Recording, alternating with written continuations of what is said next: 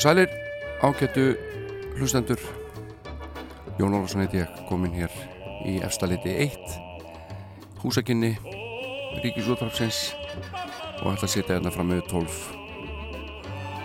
og uh, já, ég plötu snúðurinn ykkar á þessum tíma. Það verður vínirplata hér til umfjallunar síðir að þættinum með uh, hljómsveit sem að kallast Rísaðilan eða Reptile. Og ég ætla að beina sjónum og heyrn að hlutunni and Fossils með Reptile. Frábær hljómsveit og eftirminnileg. En uh, fyrir hluti þáttarins hann er tilengar íslenski tónlist eins og vennulega og uh, mér fannst einhvern veginn líkilatriði að byrja á lægi í dag sem að svona saminar þjóðina. Ég held að uh, fálög hafi snert Íslandika jafn mikið og lægið sem að fer hér í gang. Þetta er allavega eitt af mínum uppáhaldslögum Silutónar og Töfrar, töfrar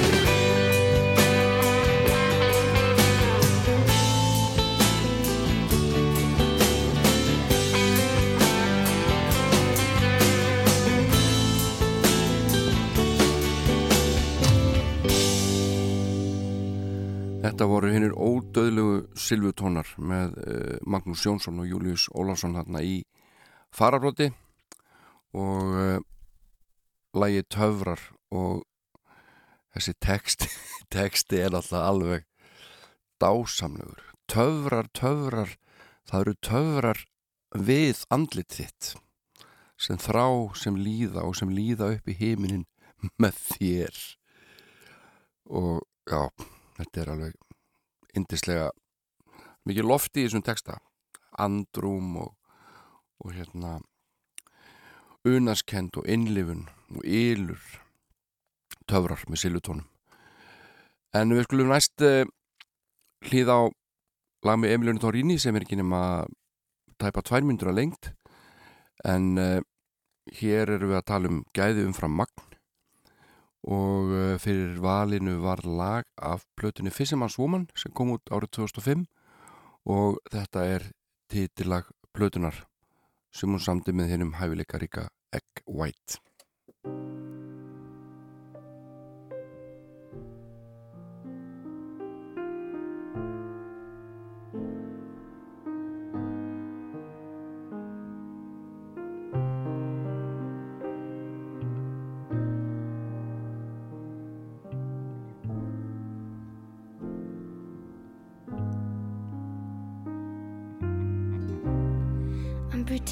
to be a good fisherman's woman, just like Anna Ingun's mom, the gladiator of all fishermen's wives. It makes it a lot easier thinking of you on the sea, where you have to be a month at a time, working hard in the day. Your hands cracking from the cold and the sword. In the night when you go to bed, you try to sleep by listening to the boat breathing, the boat breathing, and the only thing, the only thing you can think of is me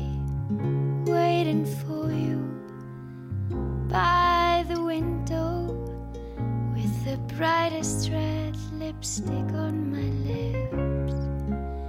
Just like Anna waits for her man. How will I learn? I'll wait.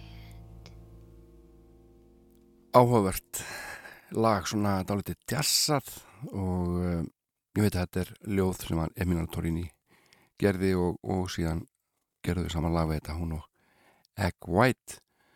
En uh, það er alltaf nóg af tónleikum uh, í bóði hér á Íslandi. Uh, við erum hægt að þurfa að vera þvæðast til útlanda til að sjá eitthvað. Eitthvað sem okkur langar til að sjá. Það eru fættin að koma hinga til Íslands bara þessi stærstu listamenn og, og það er vel.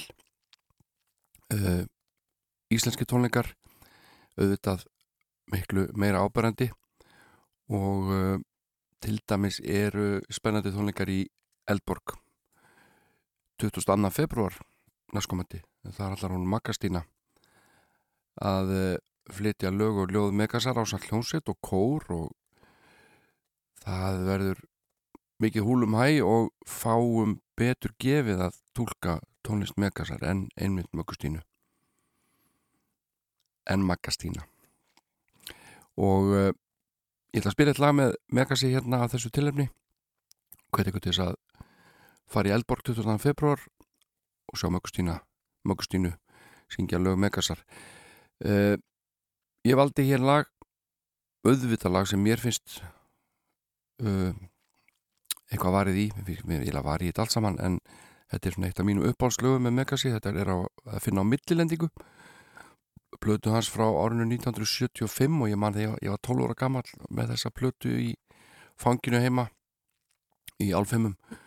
Og ég náttúrulega skild ekki endilega mjög mikið í þessum textum og fannst þessi rödd stór undarleg. En það var eitthvað sem dróð mér samt að þessu og uh, laugin er nefnilega frábær. Það gleymist ofta hversu góðu lagahöfundu mega sér. Það er vit allir um gæði textana og, og um það hefur verið ritað mikið og rætt. En hann er frábær lagahöfundu líka og Magastína sem allra syngja á laugin hans hann að 22. februar uh, hún gerði nú heila B.A.R.I.tgerð um lög Megasar, ekki textana. Ég fekk að lesa þessa ritgerð einu sinni og þetta var mjög skemmtilegt aflestrar, en hér er þetta lag með Megasi sem ég held svo mikið upp á af millilendingu. Það heitir Erðaskrá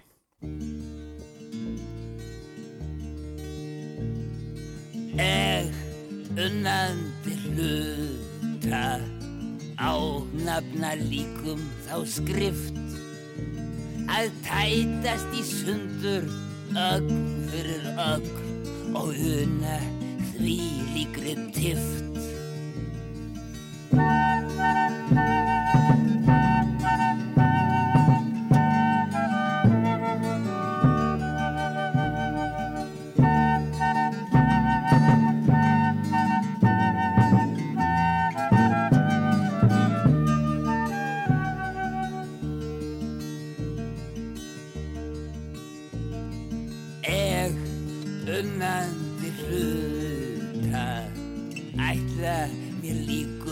þá kvöl. Að brennast um seint í eldi og eiga þó alls kostar völ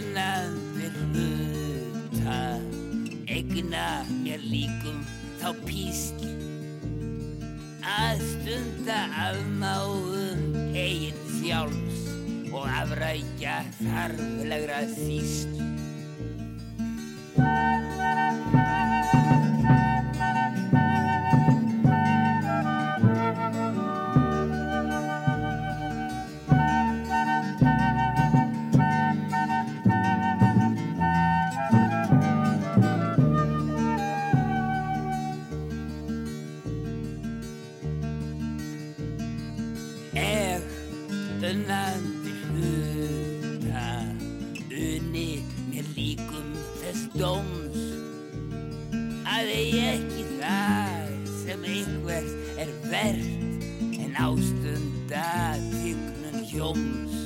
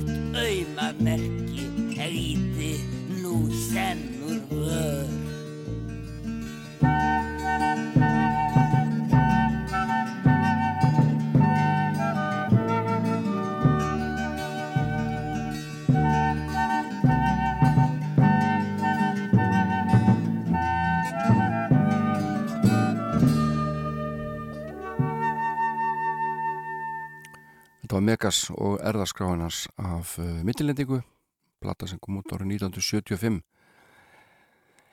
uh, ég veit ekki hvernig það er með ykkur en ég hef svona búin að finna það út að uh, þegar ég líti á klukku þá lendi ég oftast á uh, tímanum 11 myndir yfir 11 á mótnana það er svona uh, sá tím, eða svo stund sem ég greinilega lít oftast á klukku til dæmis í bíl eða þegar kíkja á síma minn og þá er þetta ótrúlega oft þannig að klukkan er 11.11 uh, ég veit að þið hafið margar sögur að segja um sama efni og ég.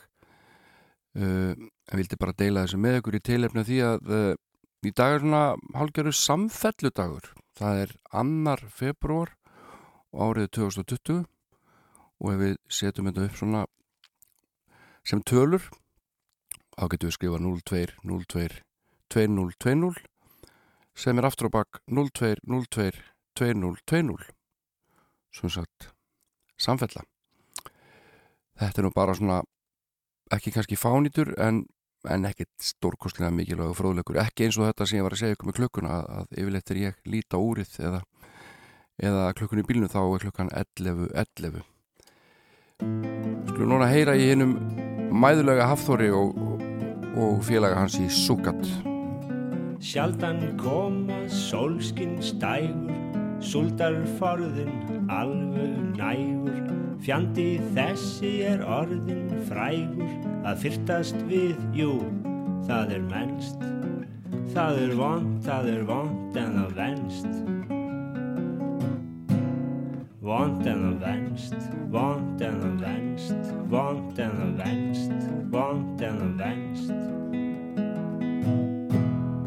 Tæflegur von á betri tíð, tvo dægur í vor svo allt of blíð. Nú hefnist oss með vondri hríð og harðri svo að enginn stendst. Jú það er vond, það er vond en það venst. Vond en það venst, vond en það venst, vond en það venst, vond Ángan týr úr annari sveit til að maður sífælt og sló menn og beit. Ferðaskó sínum fljóttan sleit flutti heim pest eitthvað bannvænt enst jú það er vond, það er vond en það venst. Vond en það venst vond en það venst vond en það venst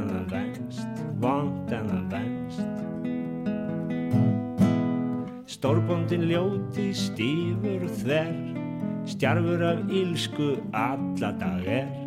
Hjúin lemur og hjúin ber, heiðrum mann veljum íslenskt. Jú það er vond, það er vond en það venst. Vond en það venst, vond en það venst, vond en það venst, vond en það venst. Grafinn undir tonni af grjóti, grettir bara ítti á móti. Sönn og hvað sönn þín fræði tóti, nú sögur eru allar lesnar. Jú það er vond, það er vond og það versnar. Vond og það versnar, vond og það versnar, versnar og versnar og versnar og versnar og versnar og versnar. Þetta bara versnar og versnar og versnar. Þetta eru frábær lok á, á lagi. Þetta var uh, hljónsett sem hefði hæglega getað endað með nafnið Glæbörgur. Uh, því það er sigraða börgur skrápsítrónunar eins og við vitum all. Og skrápsítrónan er sem sagt, uh, ég ætla að fara aðeins út í matriðslu hérna, skrápsítrónan er skorn í sundur. Svo fjallægum við aldrei kjötið látum börkin liggja í pækli í svona 40 daga. Sigrum hann síðan, sjóðum hann og þurkum hann og þá er norðin að súkati og það er ein, einmitt nafn duetsins sem við heyrðum hérna í rétt á þann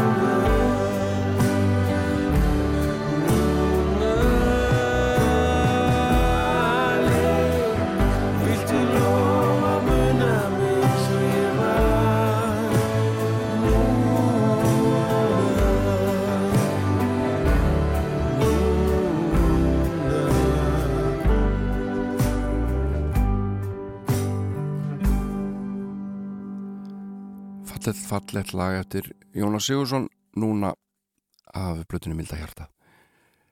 Það eru góð lög á leiðinni hér í þættinum. Við erum að spila íslenska tónlist. Ég heiti Jón Ólafsson og uh, þetta er Rás 2 sem að ómar ef þú heyrir í mér þá ertu með stilt á Rás 2 Árið uh, hvað, 1979 sennilega þá kom út hljómplata með uh, hljónstunni Brimkló sem var greiðalega vinsæl þegar hún starfaði hvað mest og uh, sendi reglulega, reglulega frá sér plötur, country skotnar hljómplötur. Uh, oft voru þarna á ferðinni tökulög með íslenskum textum en einnig fín frumsamin lög. Skólaball er eitt þeirra og glimti þjóðvegin og fleiri. En ég ætla að spila mitt uppáhaldslag með hljónstinni það er eftir Arnar Söbjörnsson gítalegara hann gerði dásamlegt lag við hvaðið Viljáns frá Skáholti og Guðmundur Benediktsson syngur Herbergið mitt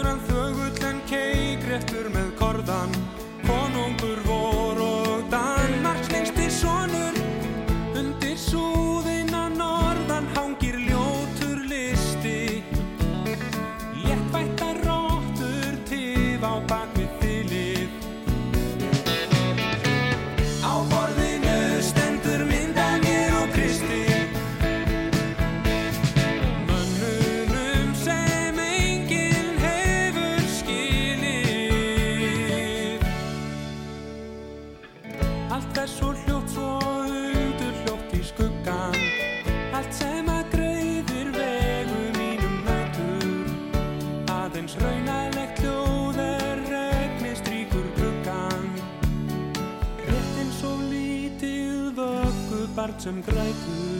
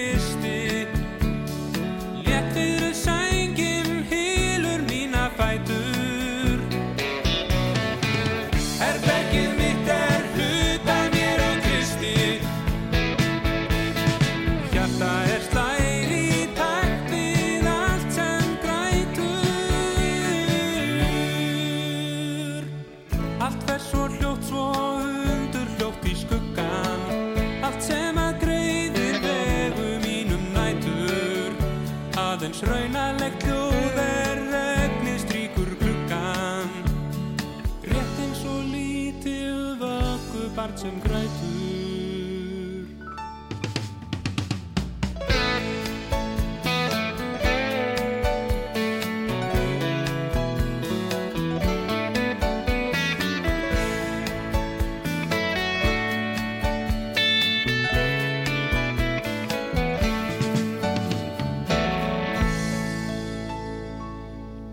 Þetta var hljómsveitin Brimkló og lagið Herbergi mitt eftir Arnar Sigurbjörnsson og eh, kvæðið eftir Vilhelm frá Skáholti. Hljómsveitin Pónik eh, var stopnuð eiginlega í Gagfræðaskóla Östubæjar eða svona þar hófst held ég samvinna þeirra sem að lengst af skipuðu sveitina og rétti svo Brimkló þá var Pónik alla tíð dansljónsett og margir söngarar komu við sögu á löngum ferli. Og uh, þekktasta lag sveitarnar er vantarlega léttur í lundu, geti ímynda mér? Uh, ég ætla ekki að fara yfir sögu sveitarnar hér í þættinum. En uh, þeir gáu út hljómplötu held ég árið 1980 sem að heitir Útvarp. Og þá voru í sveitinni Úlvar Sigmarsson hljómbósleikari, Kristinn Sigmarsson bróður hans á gítar, Kristinn Svavarsson Hallberg Svavarsson og uh, síðan veit ég að Sverri Guðjónsson var, var að syngja þarna. Ari Jónsson var hérna líki mörg ár og Einar Júl og fleiri og fleiri sem kom við sögu. Og eins og ég segi þessi sveit starfaði lengi og spilaði á hundruðum ef ekki þúsundum dansleikja og ég var að rifja þessa plötu upp aðeins uh, að hlusta á plötuna útvarp með Pónik sem kemur út árið 1980 og þetta er svolítið svona sérstakur tími í uh, íslenski tónlist. Þannig er eh, svona pöngið að koma og það er disco og svo eru líka þessar gömlu góðu dansljónstir ennþá að spila. Þetta er allt svona einhvern veginn svona allt í gangi og, og Bubbi hérna talar um lögkilta hálfvitan sem að hlustar á Brimkló Háutla og svona það er svona tónlistar stríð þarna í gangi. Og uh, svona í mið, miðri orðarhríðinni kemur þessi plata út útvarp með Pónik og svona kannski fór ekkit endilega mjög hátt. En uh, ég hlusta á þessu plötu í hvað, í fyrradag fekk mig göngutúr og hún er komin á Spotify. Og þetta er alveg stórskemtileg plata og frábær söngur þarna. Ég heldur ekki syngja allir meira að minna mikið á röddum, fullt af flottum poplögum og tíðarandin einhvern veginn svo skemmtilegur eins og kemur fram til dæmis í þessu hérnalagi sem heitir Bæn heyrðu mig, þetta er hljónstinn Pónik upptaka af blötunni Útvarp frá árinu 1980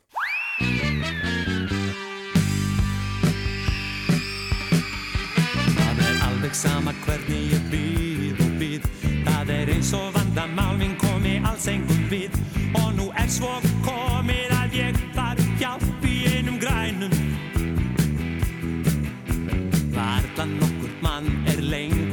að slá. Og í böngunum allt lokað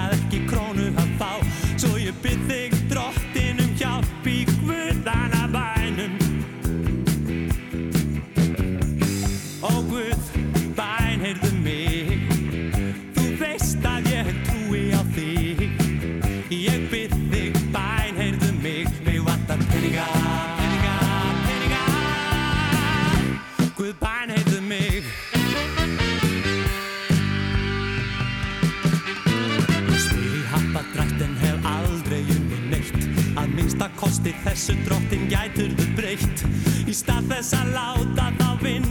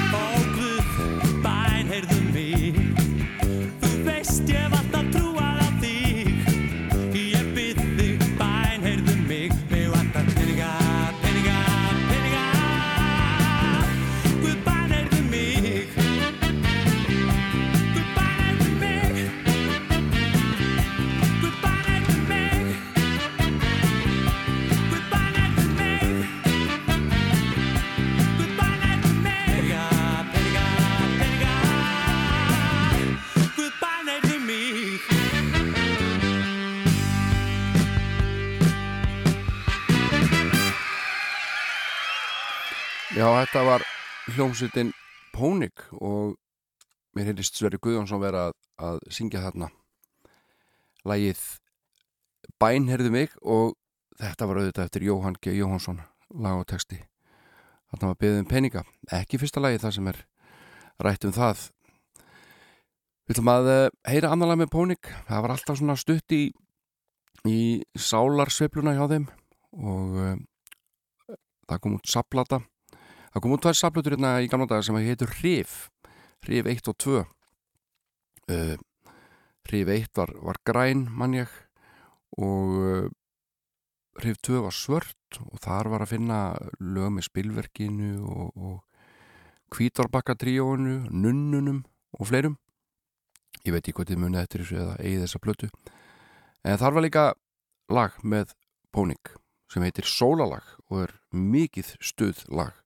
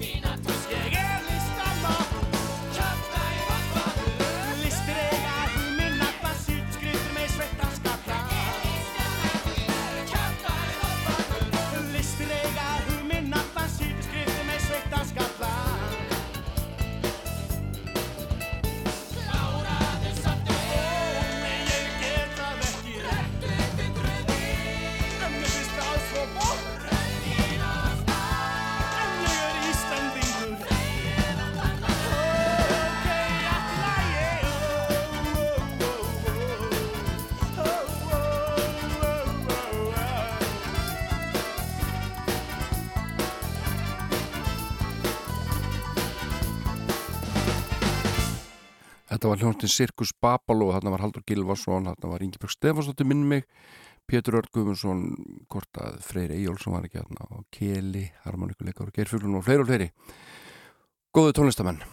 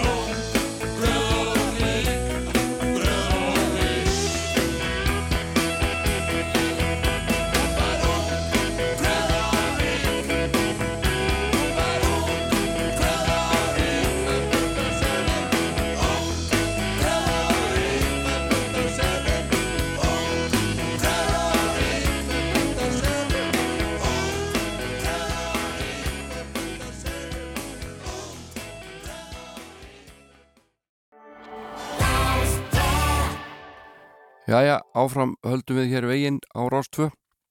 Þeir eru að lusta þátt sem heitir Sunnudarsmorgun með Jóni Ólafs. Og já, þetta er ekki frumlegt nafn, en uh, það hefur ákveðna tengingu, eins og einhverju vita. Það uh, stýttist ég að ég fjalli hérna eins um vínilblötu dagsins með uh, risaðlunni eða reptile. Við ætlum að fá eitt svona bónuslag með hljómsettinni sem að, já, svona þjónar eiginlega tvíþættum tilgangi. Annars, og, annars vegar svona sem ingangur að þessari umfjöllun um blötuna og síðan er titill lagsins eh, svona til þess gerður kannski hér í dag allavega að bjóða velkomin nýjan útastjóra til starfa. Hann heitir Stefan Eiríksson. Þetta lag heitir Stefan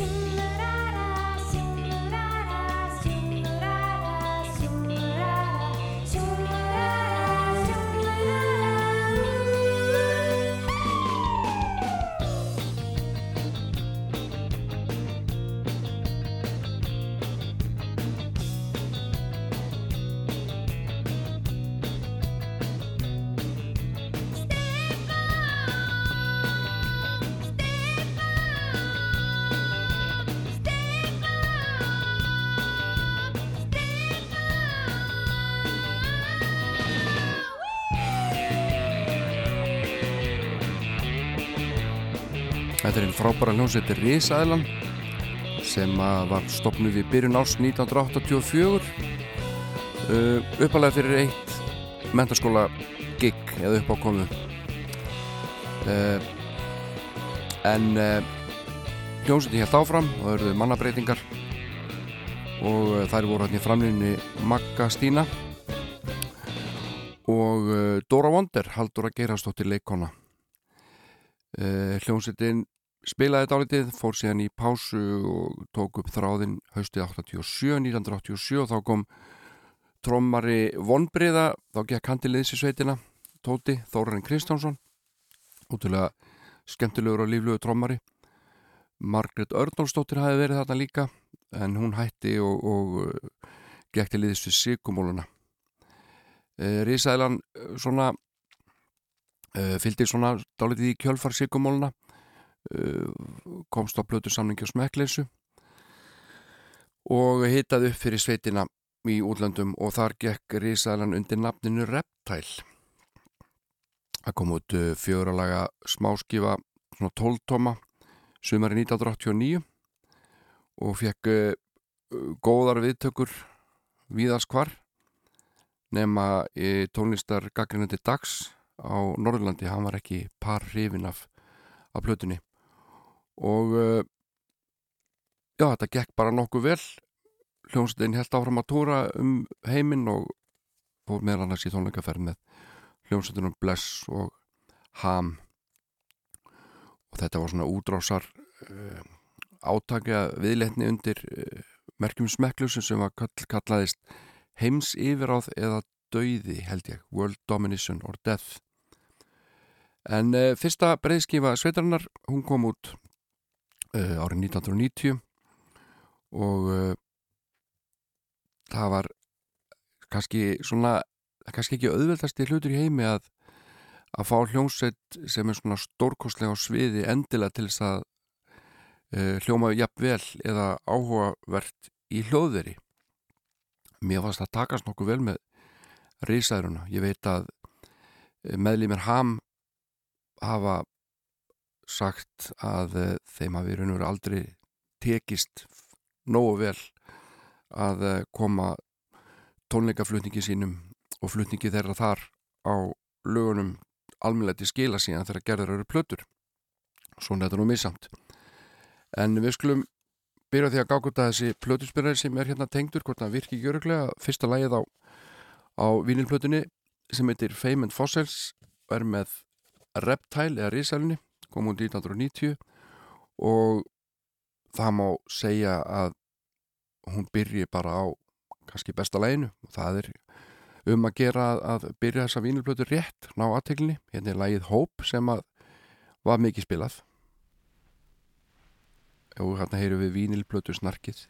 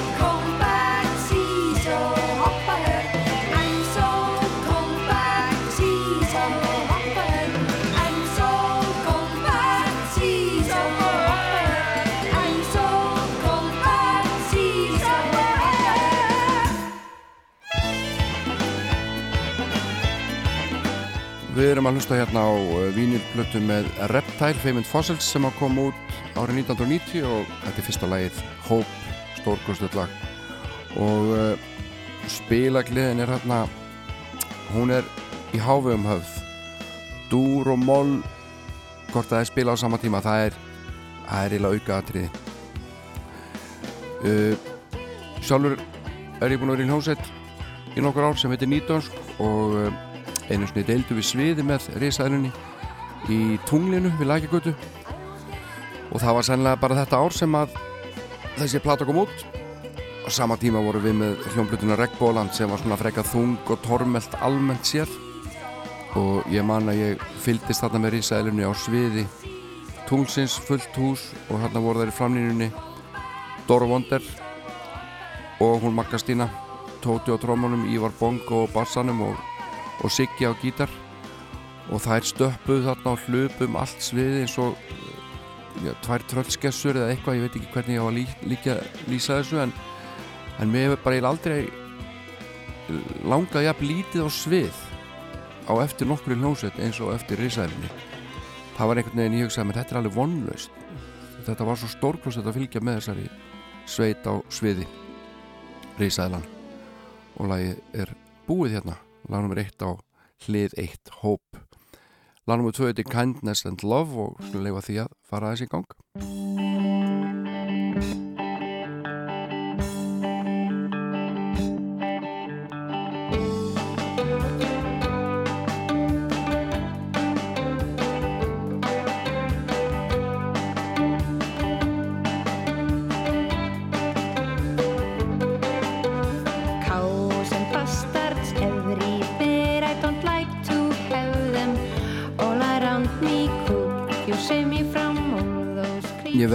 Ekki aðtikla á þessum, ennsku framburði, hlustu hvað hann er harður, þetta gæti verið svona uh, íslensku stjórnmálamaður árið 1970 að tala ennsku. Þarna vorum Magastína með errin alveg grjóthörð að geta reyna einu sinna að vera góð í þessu. Hún gerir í því að láta heyra hún sé íslensk. My hair is getting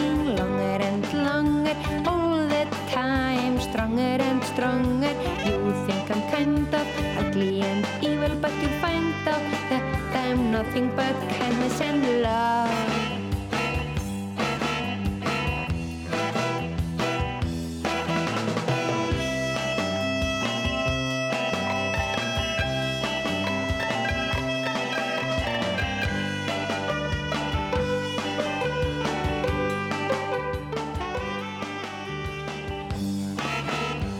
Plötuna prýðir litrikt plötunslag einhvers konar málverk sýnist að þetta eiga að vera tvö augu hérna framan á vantilega augur í sælunar og aftan á má sjá svona já, eitthvað strengja hljóðfari í einhverjum svona já, svona surrealísku umhverfi kannski.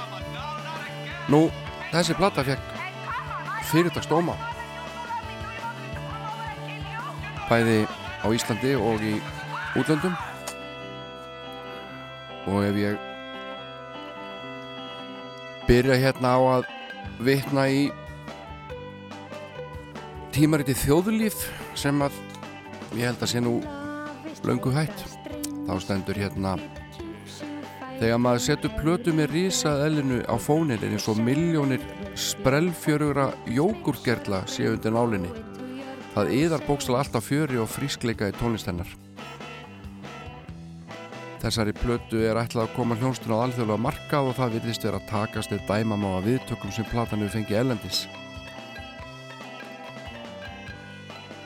Já, hann segir líka, þá sem þetta skrifar, að skemmst frá því að segja að Feymund Fossals er alveg svo viðmátti búast, sprellfjöru og skemmtileg nýsköpunni sinni tæristu mynd. Og uh, á þessum tíma þá það var svona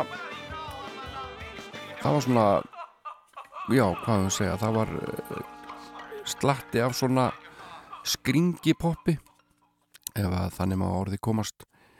Madness er nú svona það fyrsta sem ég þetta eftir auðvitað er leitið til útlanda. Uh, Júpiters voru hér í gangi líka mikið stuðljónsett og, og þarna er svona áhuga mennsku og atvinnumennsku blanda saman. Og mér finnst alltaf skemmtilegt útkoman ótrúlega lífleg og, og frábær Lagnum með þrjú er komið á stað það heitir Peace Keys. Og við erum að hlusta á reysæluna fyrstu breyðskifu hljómsveitarinnar. Sveit Guðjónsson í morgublaðinu uh, sem að var nú lengi vel hljómbúrsleikar í hljómsveitinni Rooftops. Hann skrifaði mörg ár plötudóma í morgan. Og uh, hann segir í upphafi á sínum plötudómi fram til þessa hef ég lítið hlustað á smekklausu jæðarböndin svo nendu þá að tala um hljómsveitinnar sem að smekklesa var að gefa út. Svo segir hann enda haft ákveðnar evasendur um gæði þeirra tónlistar sem þessar hljómsveitir flytja þótt síkumónutin séu þar auðvitað undatekning en hjá mörgum hinna hefur oft viljað brenna við að tónlistin hann setur tónlistina í gæsalappir þegar hann segir þetta að tónlistin einkennist um of af fálmkendum tilraunum þar sem reyndir að breyða yfir getuleysi í hljóðfæraleik með einhvers konar marklösu gargi og fáralögum hljóma samsetningum undir yfirvarpi frumleika sem oft hefur þó ekki reynst annað en léleg stæling á gömlum pöngfrössum. Svona yfirlýsingar flokkast auðvitað undir fordóma og það gildir það sama um jáðatónlistin og aðra tónlist hvort heldur um að ræða jazz, klassika, rock að eira þarf ákveðin tíma til að vennjast henni og í þessum kreðsum er vissulega misaf söður í mörgu fjö eins og annar staðar. Risaðan er í hópi þeirra hljómsetta á þessu sviði sem skara fram úr að mínum dómi og nýja platan tekur af öll tvímæli um að hér er komin á sjónasviðið einn aðtryggstverðasta hljómsveit sem fram hefur komið hér í langan tíma. Þetta skrifa Sveit Guðjónsson bílapoppari í mokkan.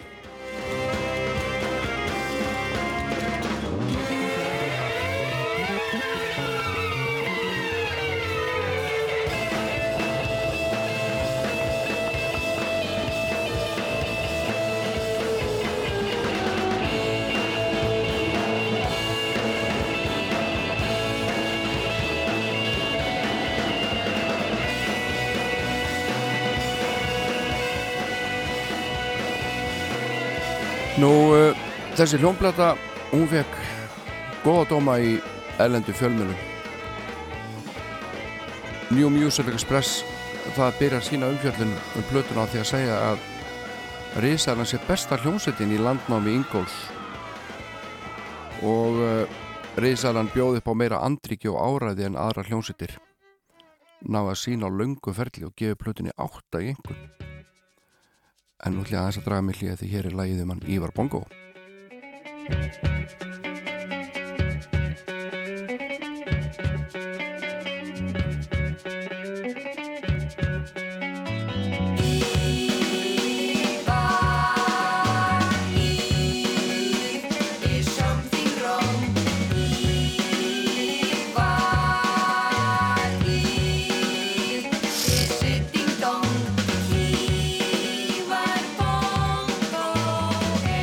Höldum áfram að kíkja hans í ellenda fjölmila og hvað þeir sögðu um þessa plötu reysalunar þá saði Melody Maker að tónlistin væri létt klippuð og þar á leiðandi mjög sérstæð.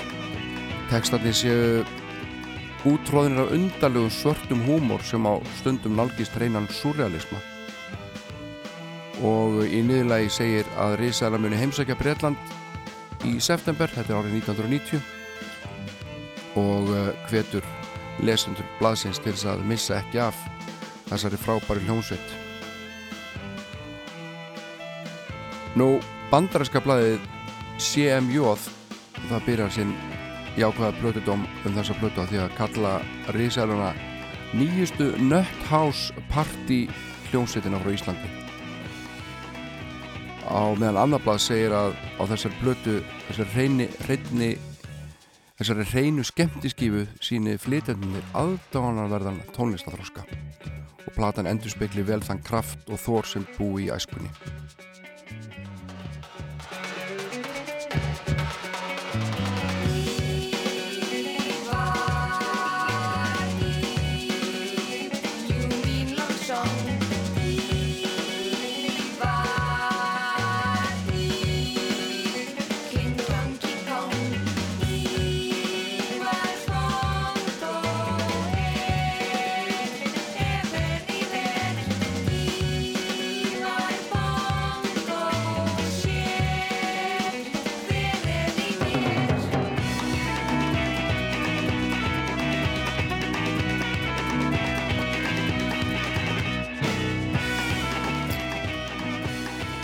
Þetta er lag nummer fjögur á hlið eitt á blötu Rísaðlunar eða Reptile Feimynd Fossils sem við erum að spila hérna á Rás 2 Nú árið síðan þá fór Haldur að gerastóttir í leiklistana. Fór að helga sér leiklistanámi sem var komin í. Og uh, í framöndur svona mingaði spilir í sveitarna töluvert. Og uh, Já, hljómsni spilaði eitthvað smottir í veturinn 1991 til 92 án Dóru. Og síðan uh, þegar að Magastína var ólétt þá fór sveitin í langa pásu þó að það hefði nú kannski hverki verið gefin út einhver sérstök yfirleysingum að hljómsveitin hafi verið hægt en uh, hún kom fram og aldrei fór í söðu fyrir nokkrum árum og í gamla bíói og því miður misti að því látum þessari umfjöllun þessari ómerkilegu umfjöllun um þó kannski áhaverðu fyrir einhverja e, lokið um þessa merkis plötu sveitarinnar. Og heyrum hérna allavega einhvern brot úr síðasta lagi á hliði sem heitir Alla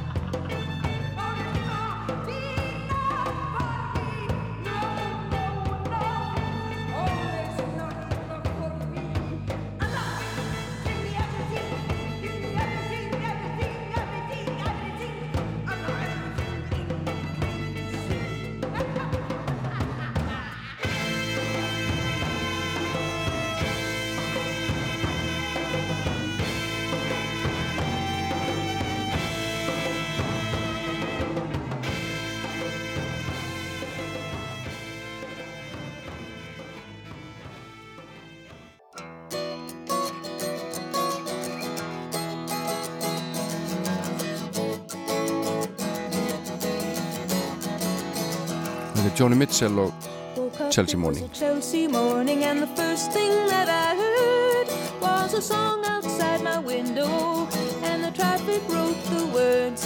It came a ringing up like Christmas bells and wrapping up like pipes and drums. Oh, won't you stay? We'll put on the day and we'll wear it till the night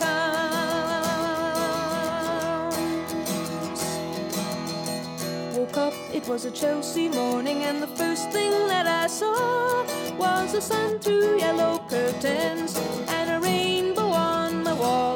The red, green, and gold to welcome you, crimson crystal beads to beckon. Oh, won't you stay? We'll put on a day. There's a sun show every second.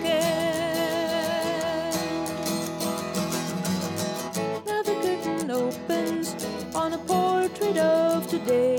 And the streets are paved with passers-by, and pigeons fly, and papers lie, waiting to blow away.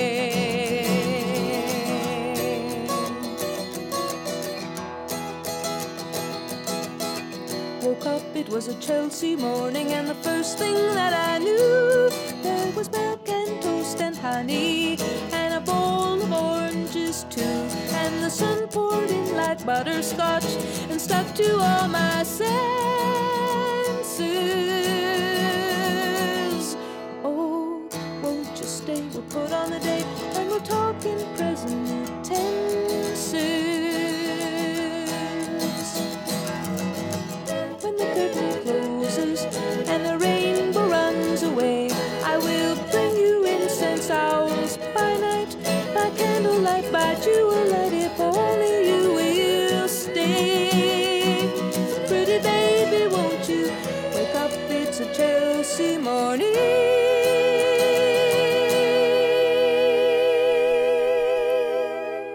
Chelsea Morning söng Joni Mitchell uh, lag sem hún segi sjálf sér og langt í frá að vera með hennar betri verkum en, en alveg nóg gott fyrir mig, ég segi alveg eins og er.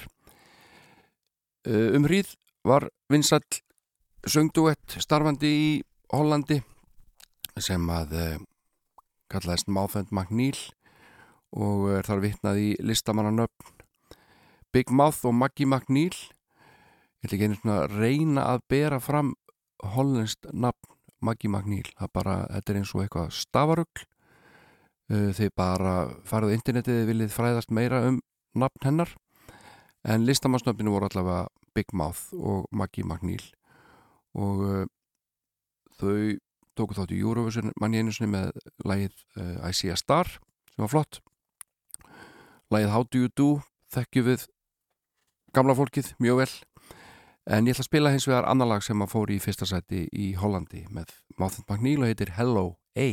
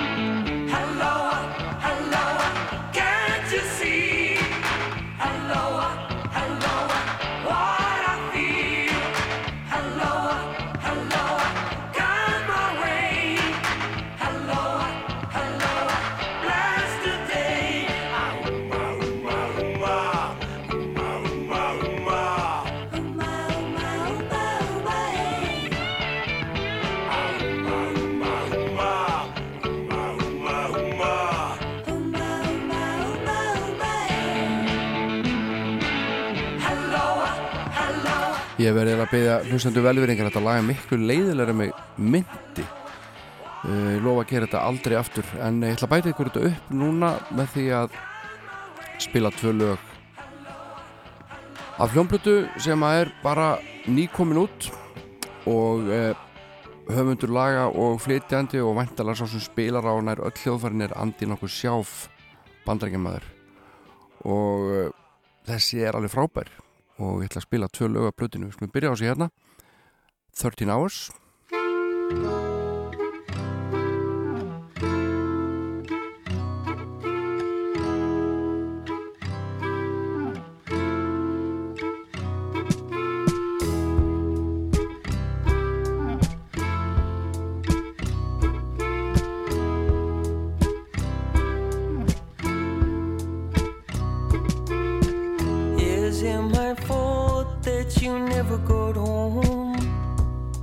If we'd taken the train, I guess you would've got home. I was so tired of looking those bags around.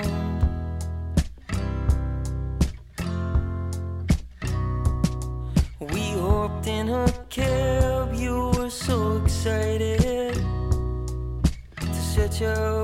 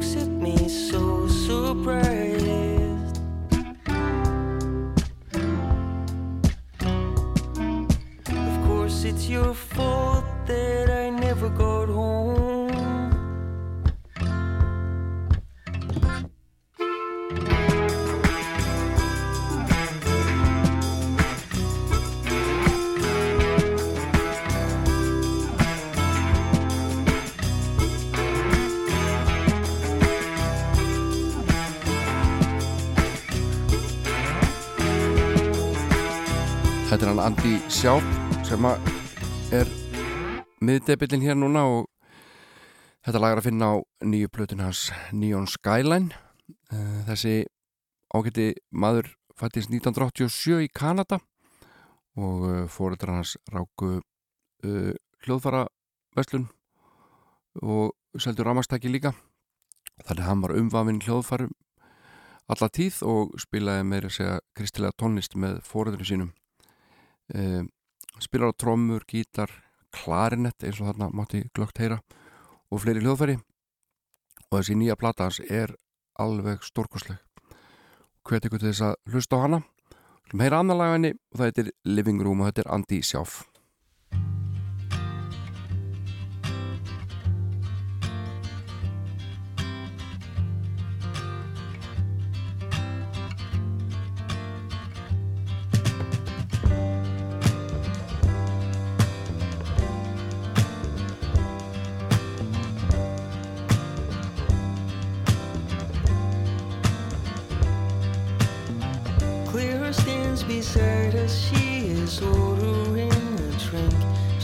soltos.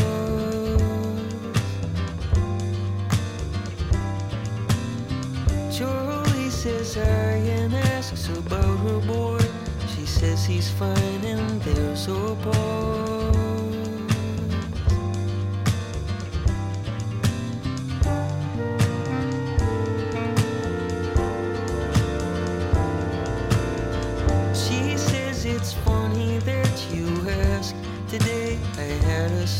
Strange experience.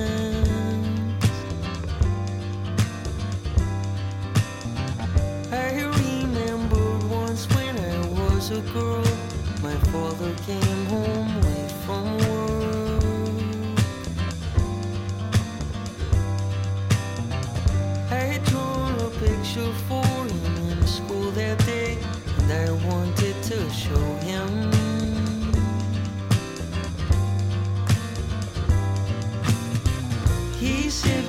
show it to your mother, dear.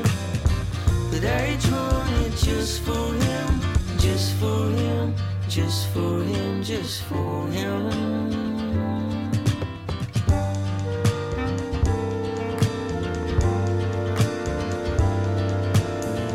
Anyways, today my son came home from school and he had drawn a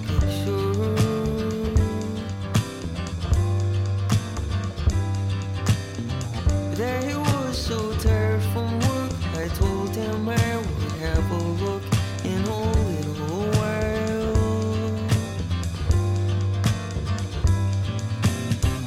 I should have hung it on the fridge for him. I mean, how hard is it to give a shit, to give a shit, to give a shit?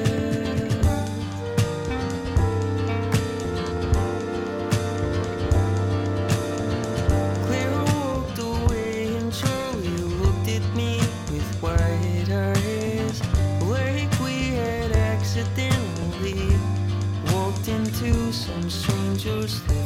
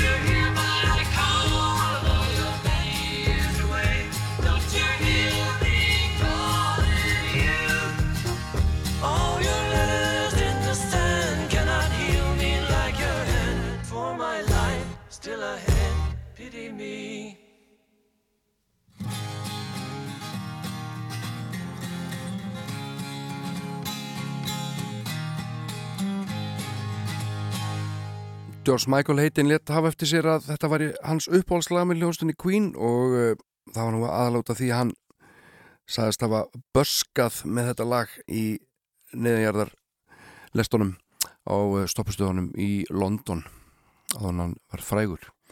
En við skulum heyra eitt lag með bílunum þetta er af uh, kvítalbúminu og gott ef þetta var ekki samið í Indlandi þegar bílandi voru svona slaka á og, og reyna að ná áttum og yfkuðu jóka og borðuðu græmiti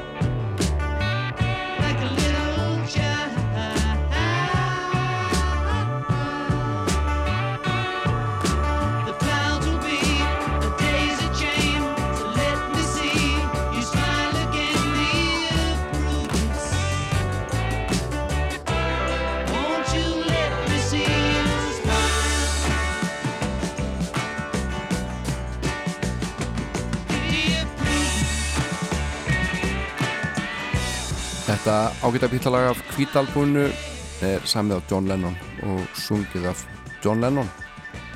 Og þetta fjallar um og er sungið til Prudence nokkurar Farrow sem var yngri sýstir leikonunar Míu Farrow sem að eh, einhverjir mun eftir. Og hún var um hríð gift Woody Allen og það fór allt fjandast til á þeim bænum eins og margir vita. En við ætlum að leika næst uh, lag með tónlistamanninum Bill Callahan. Hann er nú ekki mikið spilaður held ég. Svona almennt en uh, þykir flottur. Og ég held hann að við átt lag á plötu Emilin Torrini þarna Fissimans Woman sem ég spilaði lag af fyrir þettinum en við slum heyra Bill Callahan flytja lag sitt Too Many Birds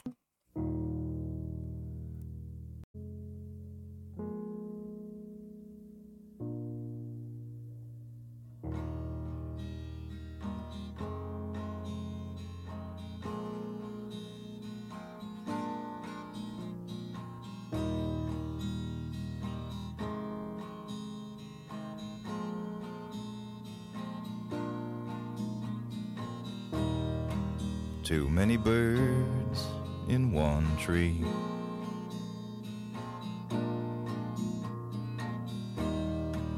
Too many birds in one tree.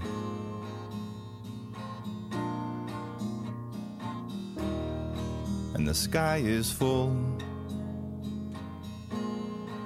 of black and screaming leaves. The sky is full black and screaming. And one more bird, then one more bird, and one last bird, and another. One last blackbird without a place to land. One last blackbird without a place to be. Turns around in hopes to find the place it last knew rest.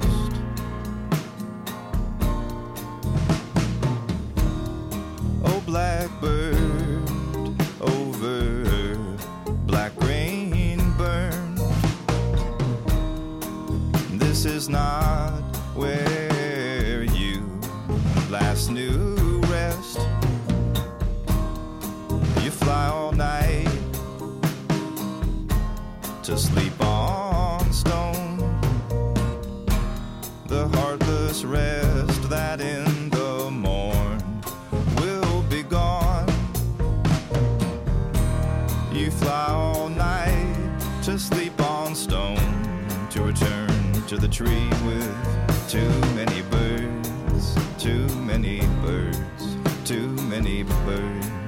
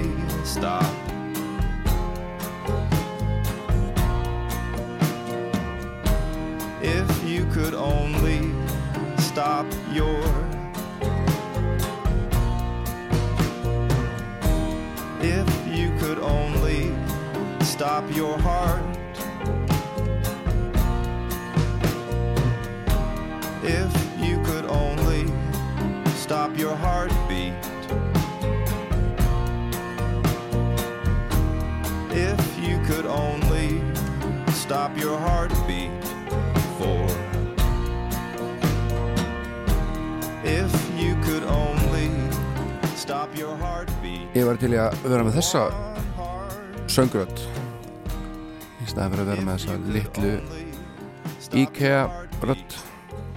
En uh, maður fær ekki allt sem maður vill. Þetta er hann Bill Callahan og dásamlega lag Too Many Birds sem einhvern veginn svona bara sefjar mann í þessum í þessum uh, hljómagangi sem að gengur í gegnum lægið og vera núna að endur taka sig um hríð. En uh, það er alltaf eitthvað að gerast í íslenski tónlist líka. Og maður þarf að hafa sig allan við bara til að geta fylgst með. Þar heyrði í nýri hljónsett Alison McNeil fyrirverandi Kimono meðlimi heyrði lag með nýju hljónstinni Laura Secord Secord, ég kann ekkert að byrja þetta fram. Það skiptir ekki öllu máli. Lægi hérna sem ég ætla að spila verkur það er alveg frábært. Og deilið því með þóðunni all night long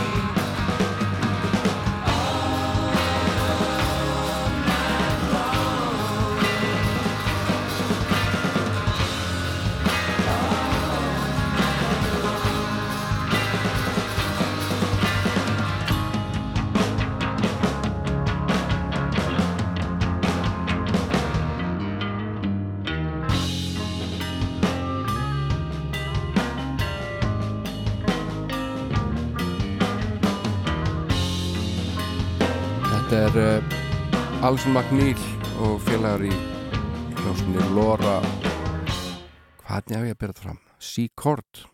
Ég tek bara á hættuna og segi það. En þetta var svona eins og að hlusta bara á gömnu góðu börns með aldrei svona bjöguðum og hröðum og kraftmjögnum rock undirleik og ekki leiðum að líkjast.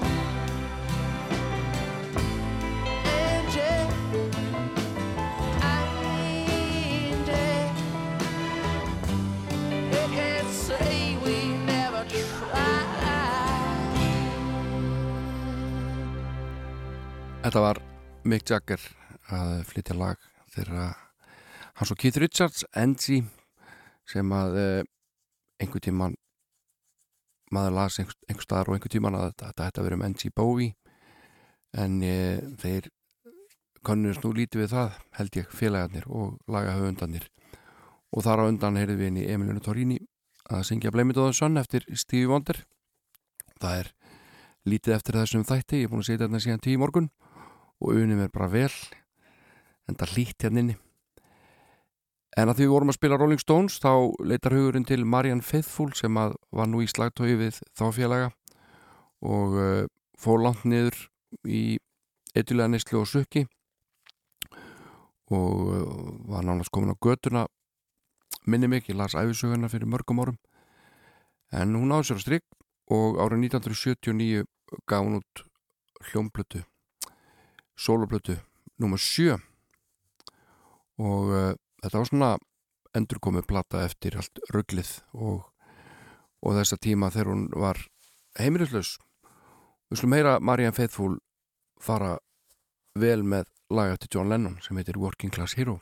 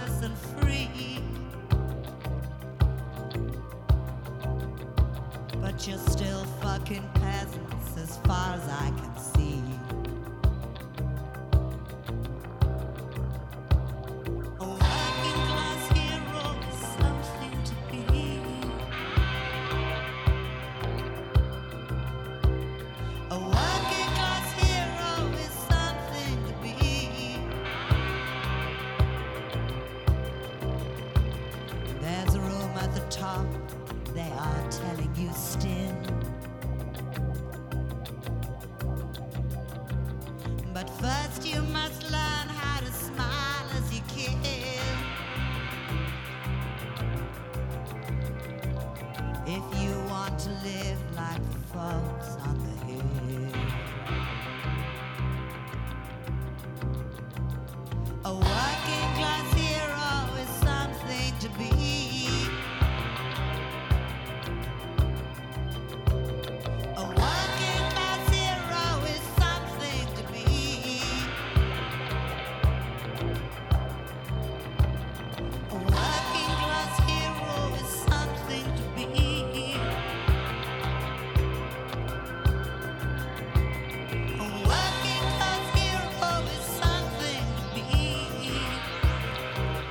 skemmtileg útgáð af Working Class Hero eftir John Lennon.